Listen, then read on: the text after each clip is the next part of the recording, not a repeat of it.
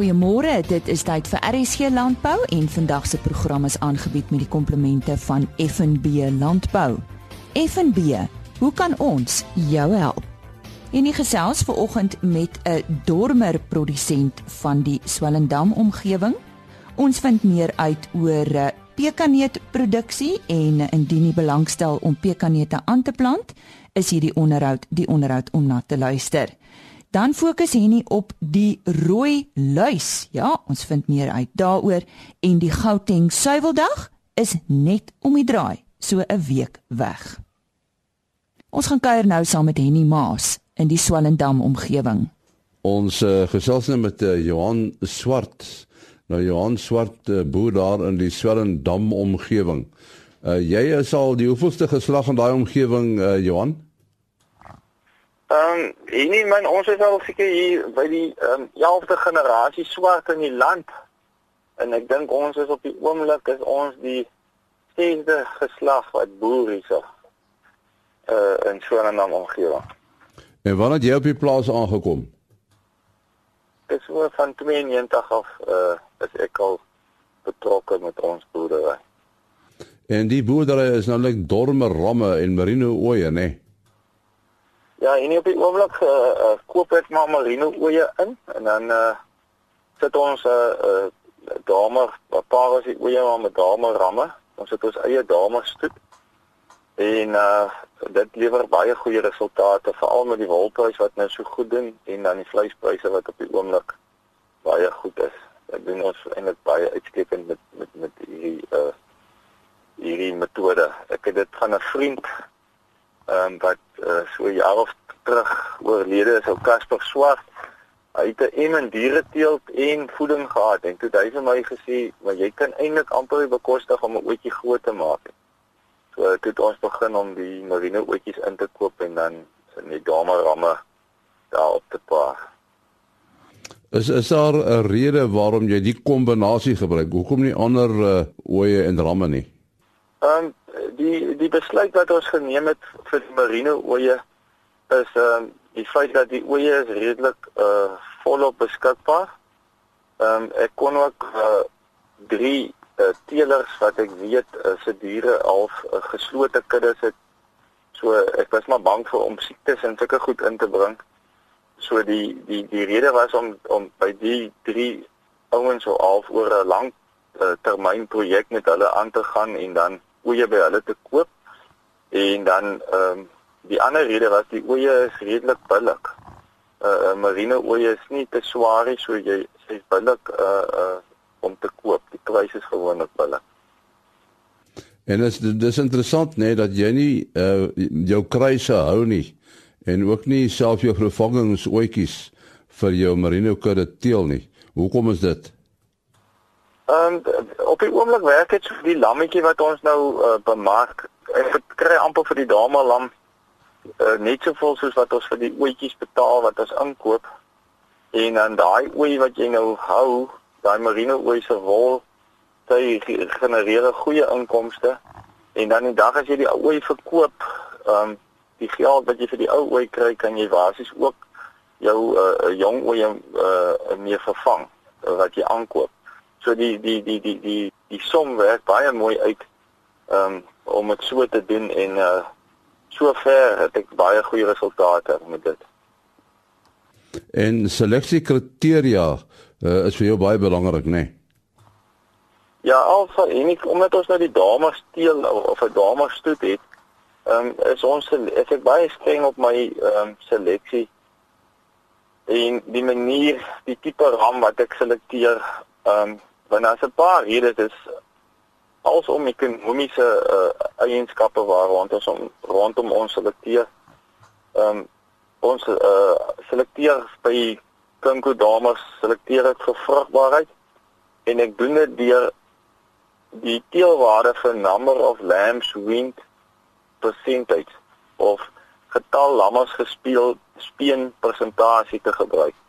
Nou ehm uh, dit gee vir my 'n uh, 'n ram 'n dame ooi wat vroeg kan lam. Ehm um, wat gereeld lam met kort interval en 'n uh, groot persentasie lammers speen.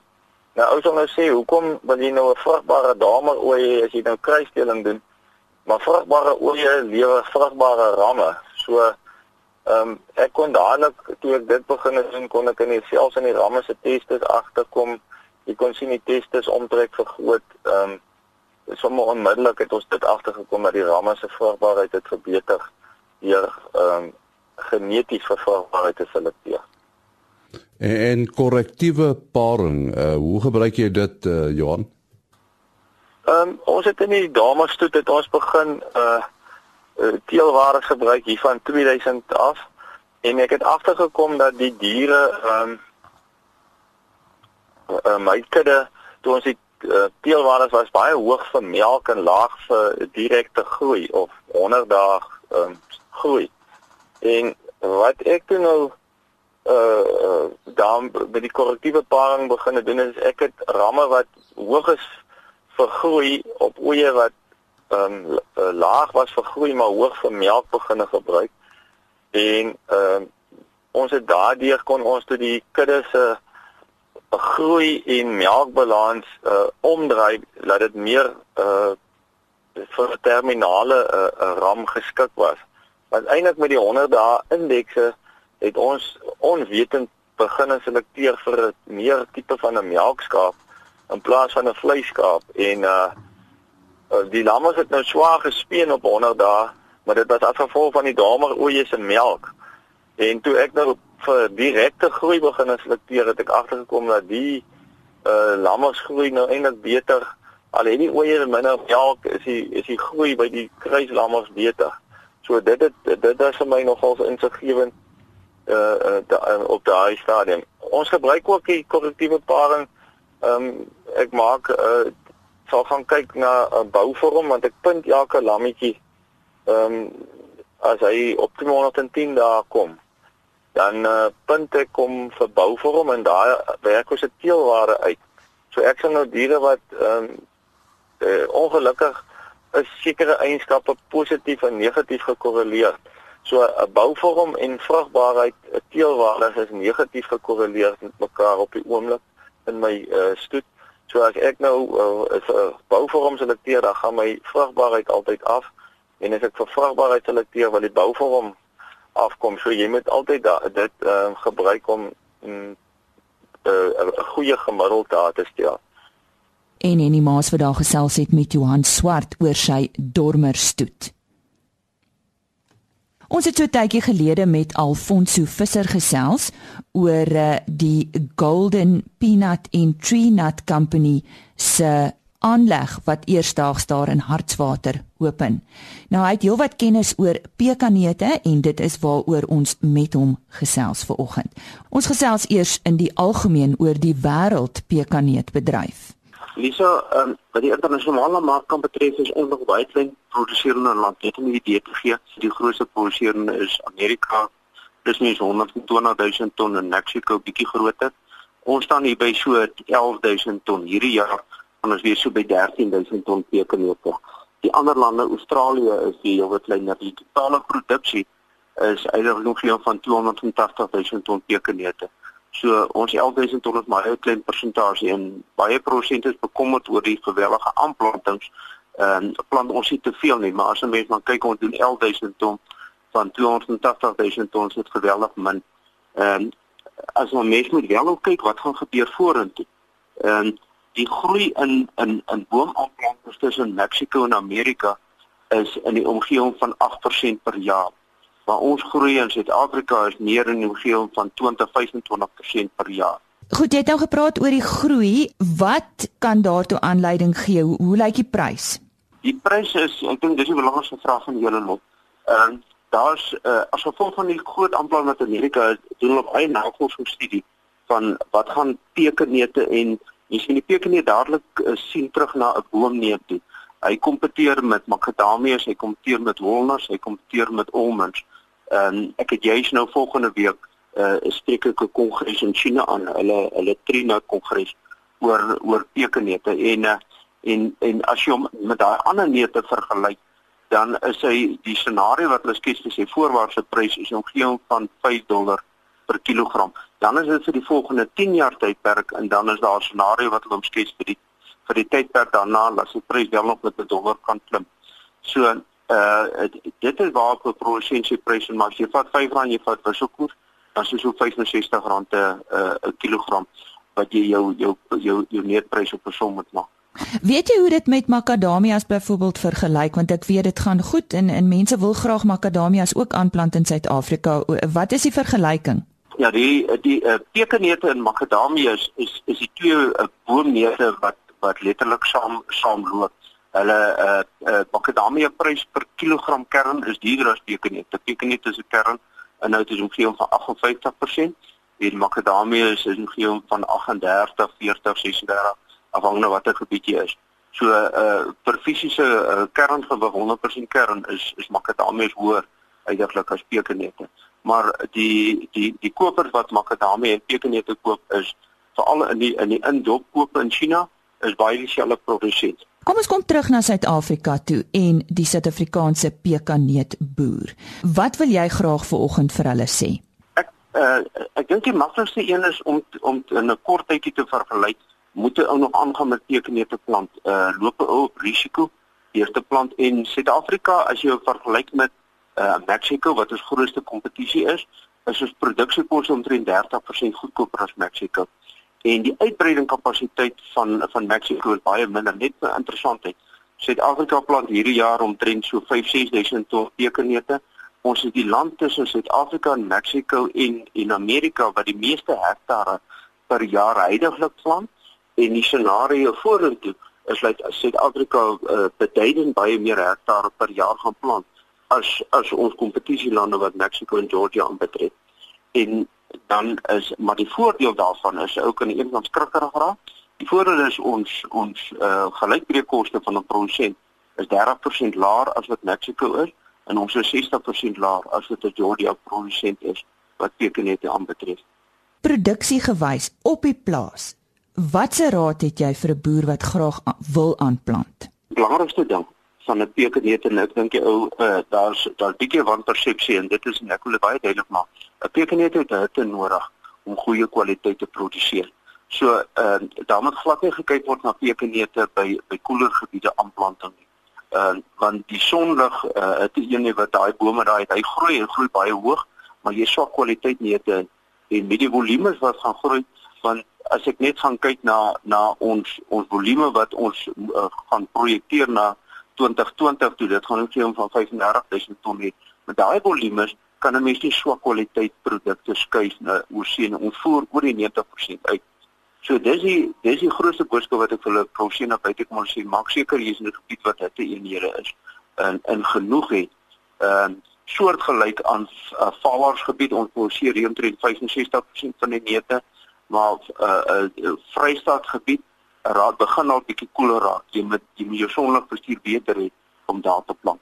Nou Alfonso, wat is aan ons kant in Suid-Afrika wat die produksie betref? Uh waar kan ons wen? Wat die produksie aanbetref, is die eerste die belangrikste punt wat 'n produsent moet na gaan kyk is hy moet hy moet doorseker maak dat plant pekanette waar daar genoeg het, die eenhede is. Uh het diep grond nodig hy vat uh water tussen 200 1800 mm per jaar. So daar moet voldoende water wees, maar die belangrikste is het 'n eenhede. Ehm uh, as uh in in die eenhede om te vergelyk na gebiede toe, daar is uh 'n uh, eenheid kaarte wat 'n mens kan kry. Ehm uh, 'n uh, valaarsgebied is die ideale gebied, ons het baie goeie kwaliteit. Ehm um, 'n uh, uh, Noordwas Appington toe se se kant toe goeie kwaliteit, maar as ons jare gekry soos laas jaar wat 'n uitsonderlike hitte kry, begin dit in tye te warm raak daar.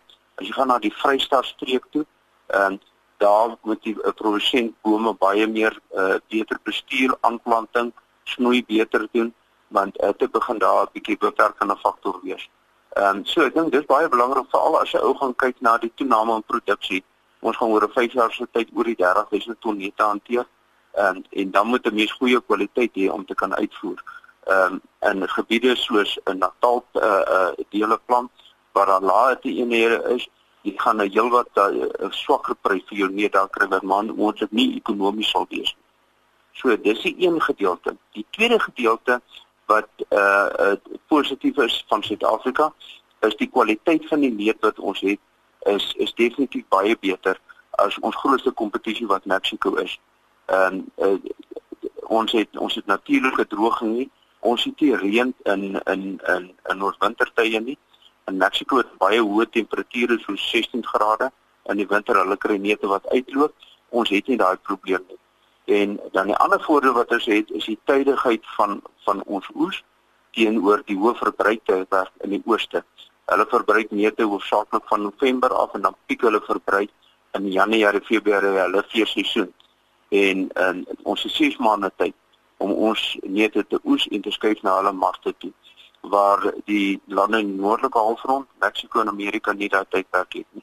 So daar's definitief groot voordele vir ons om verder uit te brei. Dit was aan Alfonso Visser en hy's die hoofuitvoerende beampte van die Golden Peanut and Tree Nut Company in Suid-Afrika.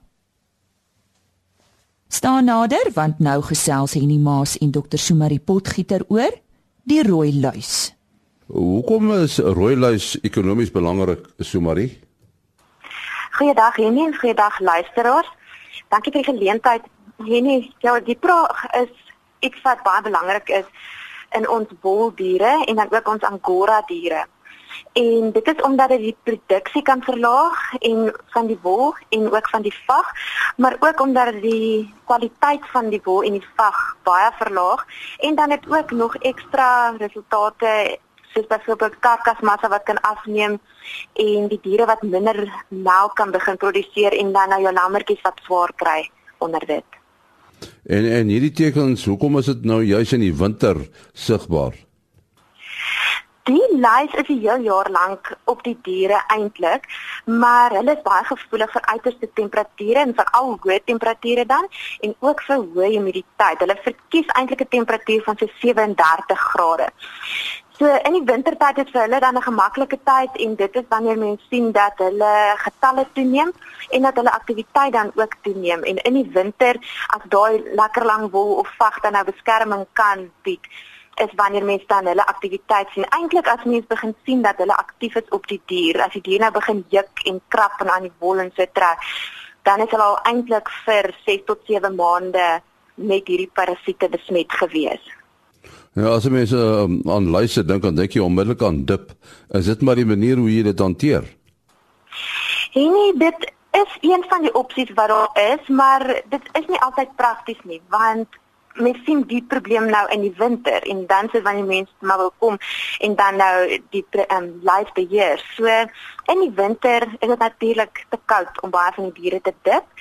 En as daar miskien van die boere is wat ehm um, se lamseisoen voorval dat hulle van die lammetjies het sal hulle glad nie tydens daai tyd heeltemal so wil benat en dip nie. So dan staan hulle van die diere nog oor ook wat dan as herinfeksie dien vir die diere wat reeds gedip en behandel is dan.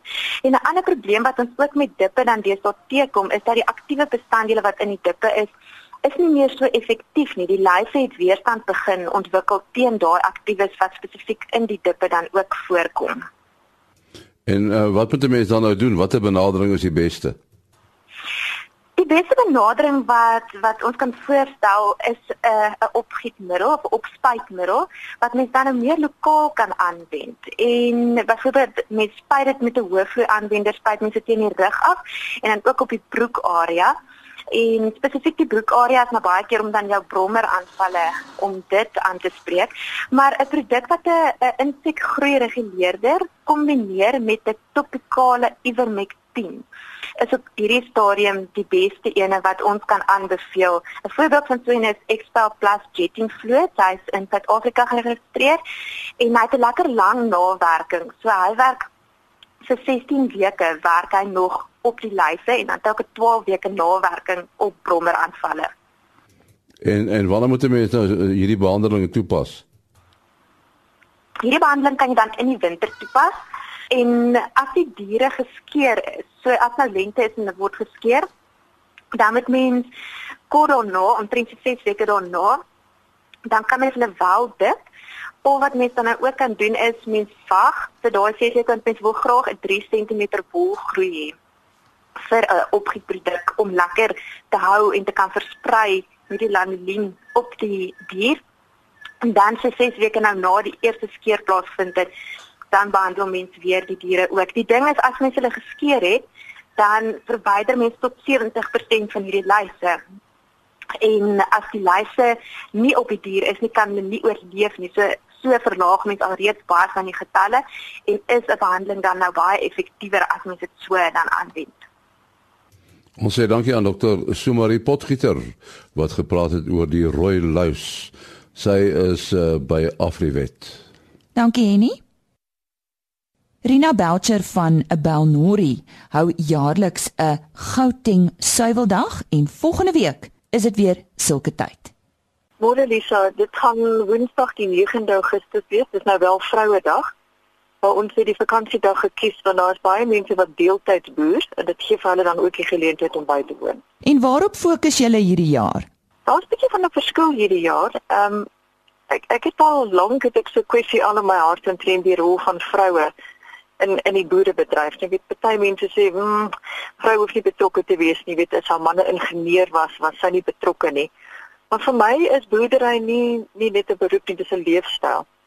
So ons het Benita Becker, sy het op 'n plaas groot geword, sy is met 'n boer getroud en hy is jonk uh, oorlede, so sy het vir 14 jaar alleen geboer. So Benita kom met ons praat oor die rol van 'n vrou op in, in die boerdery. Dan het ons vir Leon Kreer en teen hierdie tyd mense wat al voorheen bygewoon het weet wie Leon is. Fantastiese karakter. Hy kom praat oor haarwurms.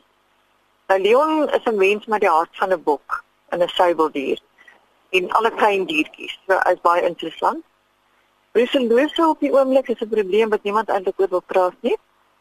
Ons het dokter Chris van Dijk en hoewel hy die hoofuitvoerende beampte van die NPO is, is hy veearts hy kom in sy rol as 'n suiwelveearts vir bruselose tussen beeste en bokke. En baie van die luisteraars sal weet wie Kobus Mulder is. Ek dink hy het al op julle programme gepraat.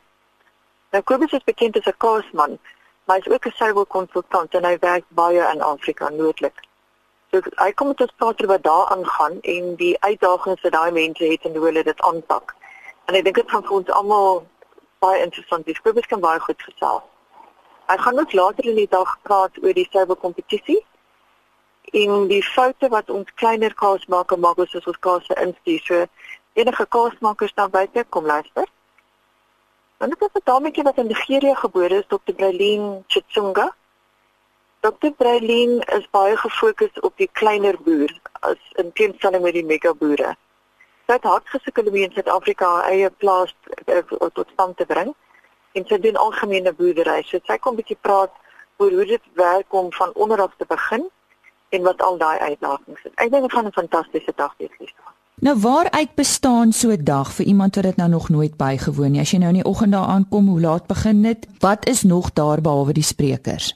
Die ek, ek het uitstallers daar wat onthou ons is meer suiwel gerig as as as enige ander. Dis 'n suiweldag daar is baie van die klein vee mense wat kom met nou bokke en skape het en daar is dit haarwurms en sulke goed wat hulle in belang stel en hulle hou dan van 'n by boeredag te wees.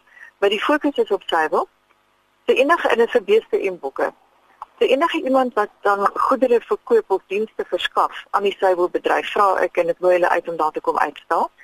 En daar's 'n wye verskeidenheid goed. Daar's etikettering, daar's die goed wat jy gebruik om kaas te maak, daar's melkmasjiene en ander tipe goed enigiets wat in die stewelbedryf is. Half 9 registrasie 10 uur begin ons. By aankoms is daar ehm um, beskuit en koffie vir niks. Jy kan dit koop. Daar is 'n middagete wat verkoop word. Dis al wat jou kostes dan betrek is om te sien dat jy iets het om te eet. Vir my is dit 'n nee, 'n dierdag om te kom. Dit gaan jou kos en daar te kom. Dis die samesyn met ander boere. Die sprekers eh, bied hulle dienste aan vir niks. So dit is vir my so twee snye droë brood met konfyt in die middel. Die boere aan die een kant droë brood, die uitstanders aan die ander kant en jou sprekers in die middel om die twee mekaar vas te hou. Ek ek dink dit is 'n feitdagter en ek hoop die ouens gaan kom. Rina, en waar vind dit plaas vanjaar? Weer op die plaas. Ek het dit verlede jaar weggevat van Danori af. Ehm um, maar daar was nou baie van die uitstanders en van die mense wat bywoon het sê hulle hou daarvan om weer op dieselfde plek te kom. So ons het ons het dit nou weer daar dit hierdie jaar nie heeltemal verdroog nie. Daar's nog 'n bietjie groen gras, so daar gaan nie veel stof wees nie. Die middagete gaan lekker wees. Ek het 'n dame um, wat vir ons kom hamburgers maak. Dit is nie kom sê met hamburgers nie. Want daar gaan beesvleis en bokvleis beskikbaar wees. Ek hoop ouens gaan um, braaf genoeg wees om 'n bok hamburgers te eet op die dag. Daar's ouens wat van Mosambik afkom, mense wat van Botswana afkom, daar's ouens van die Kaap af, van die Vrystaat af, Limpopo af. So alhoewel as dit in Gauteng Suiwerdag is met dit in Gauteng aangebied word, maar ander mense is ook welkom hoor. Waar is Belnori presies vir die mense wat nou nie presies weet waar jou plaas geleë is nie? Dis in die Papsfontein gebied en ehm um, alhoewel ek al 'n bietjie ouer is, het ek maar 'n lankal al 'n uh, moderne tegnologie. So op Google Maps kyk Belnori by Peach Cheesery. Dan gee dit vir jou hoofstuk en vers om daar uit te kom. Goed nou, as ek wil bywoon, uh, wil julle graag vooraf registrasie sê net net sodat julle weet hoeveel mense daar gaan wees ongeveer. Asseblief ja, dit ehm um, of e-pos of ehm um, telefoon. Ek gaan nou net vir jou my telefoonnommer gee. Net sodat ons die spesiering reg kry. Ek kan nie daarvan om ongeorganiseerd te lyk nie. So met weet nie te veel kos of te min kos nie en ek het daarom ander mense wat ek verantwoordelik is dat ek vir hulle kan sê berei voor vir ek soveel uit mense. Goed, uh, daai kontakbesonderhede, wat wil jy deurgee? Asseblief my telefoonnommer is 082 377 56 98. Wie die waarskuwing by die sy nie altyd goed is nie, so stuur maar vir my 'n uh, SMS of 'n WhatsApp. Hy sal wel deurkom as ek 'n gaping kry vir 'n sy. Net weer daai nommer asseblief Rina. 082 377 5698. En dit was dan Rina Belcher van Belnori oor die Gauteng Suiweldag wat op 9 Augustus op haar plaas daar in die Babsfontein omgewing plaasvind. Voor ons groet, het jy geweet dat 18 miljoen boere reg oor die wêreld geneties gemodifiseerde gewasse plant? Die Verenigde State van Amerika, Brasilië, Argentinië, Kanada en Indië plant tans die meeste GM gewasse aan. Meer as 152 miljoen van die wêreld se 170 miljoen GM hektare kom in hierdie lande voor. Die grootste 4 GM gewasse is sojabone, katoen, mielies en canola. Teen 2016 was daar reeds 185 miljoen hektaar in 26 lande onder GM-gewasse geplant. In Suid-Afrika is die eerste GMO-gewas, naamlik insekbestande katoen, reeds in 1998 geplant. En daarmee het ons gekom aan die einde van vandag se program wat aangebied is met die komplemente van FNB Landbou. FNB, hoe kan ons jou help. En ons gesels juis môreoggend met FNB oor inflasie. En dan 'n ander onderwerp ook môreoggend op RSG Landbou is lek aanvullings. Ons kuier dan graag weer môreoggend om 05:30 saam met u. Totsiens. RSG Landbou is 'n produksie van Blast Publishing. Produksieregisseur Henny Maas. Aanbieding Lisa Roberts en 'n notas koördineerder Jolande Rooi.